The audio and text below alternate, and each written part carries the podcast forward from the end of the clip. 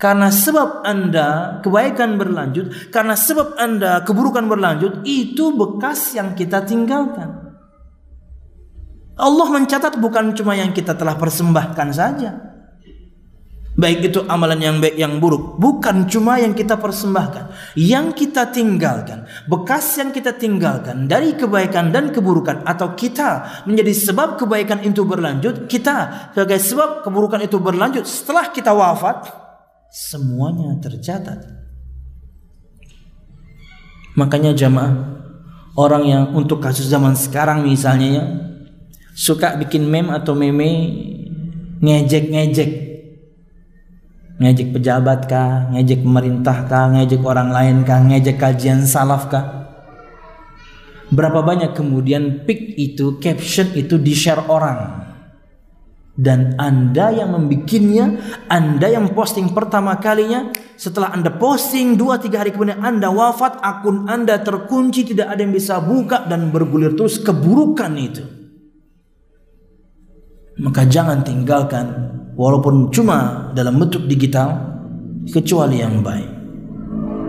Terlepas dari perdebatan kepada sebagian para ustadz yang tidak ingin divideokan, yang tidak ingin um, di uh, YouTube kan filenya, alasan mereka sendiri, no problem, nggak ada masalah.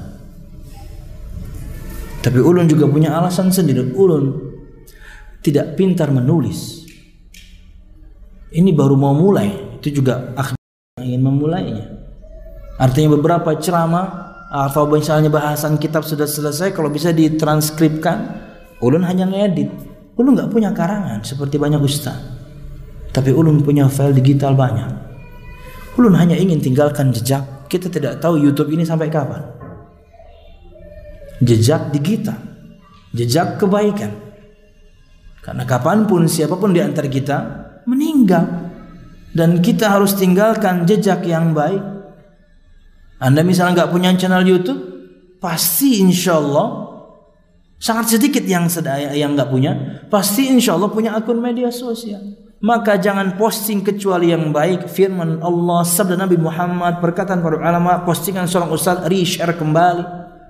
Karena bisa jadi setelah itu Anda meninggal. Ribuan postingan Anda dan akun Anda terkunci, istri Anda pun kemudian nggak bisa buka. Dia bergulir terus. Andanya sudah wafat. Kebaikannya bergulir bergulir terus. Bahkan bisa jadi karena satu pik, karena satu postingan kita, Allah Subhanahu wa taala menyapa banyak orang dengan hidayahnya. Iya jemaah. Saya dapatkan pengakuan yang seperti ini itu bukan satu dua kali. Awal awal pertama mereka kenal kajian itu karena pik yang dipasang temannya di profil di profil uh, picture-nya. Dia memperhatikan profil picture temannya.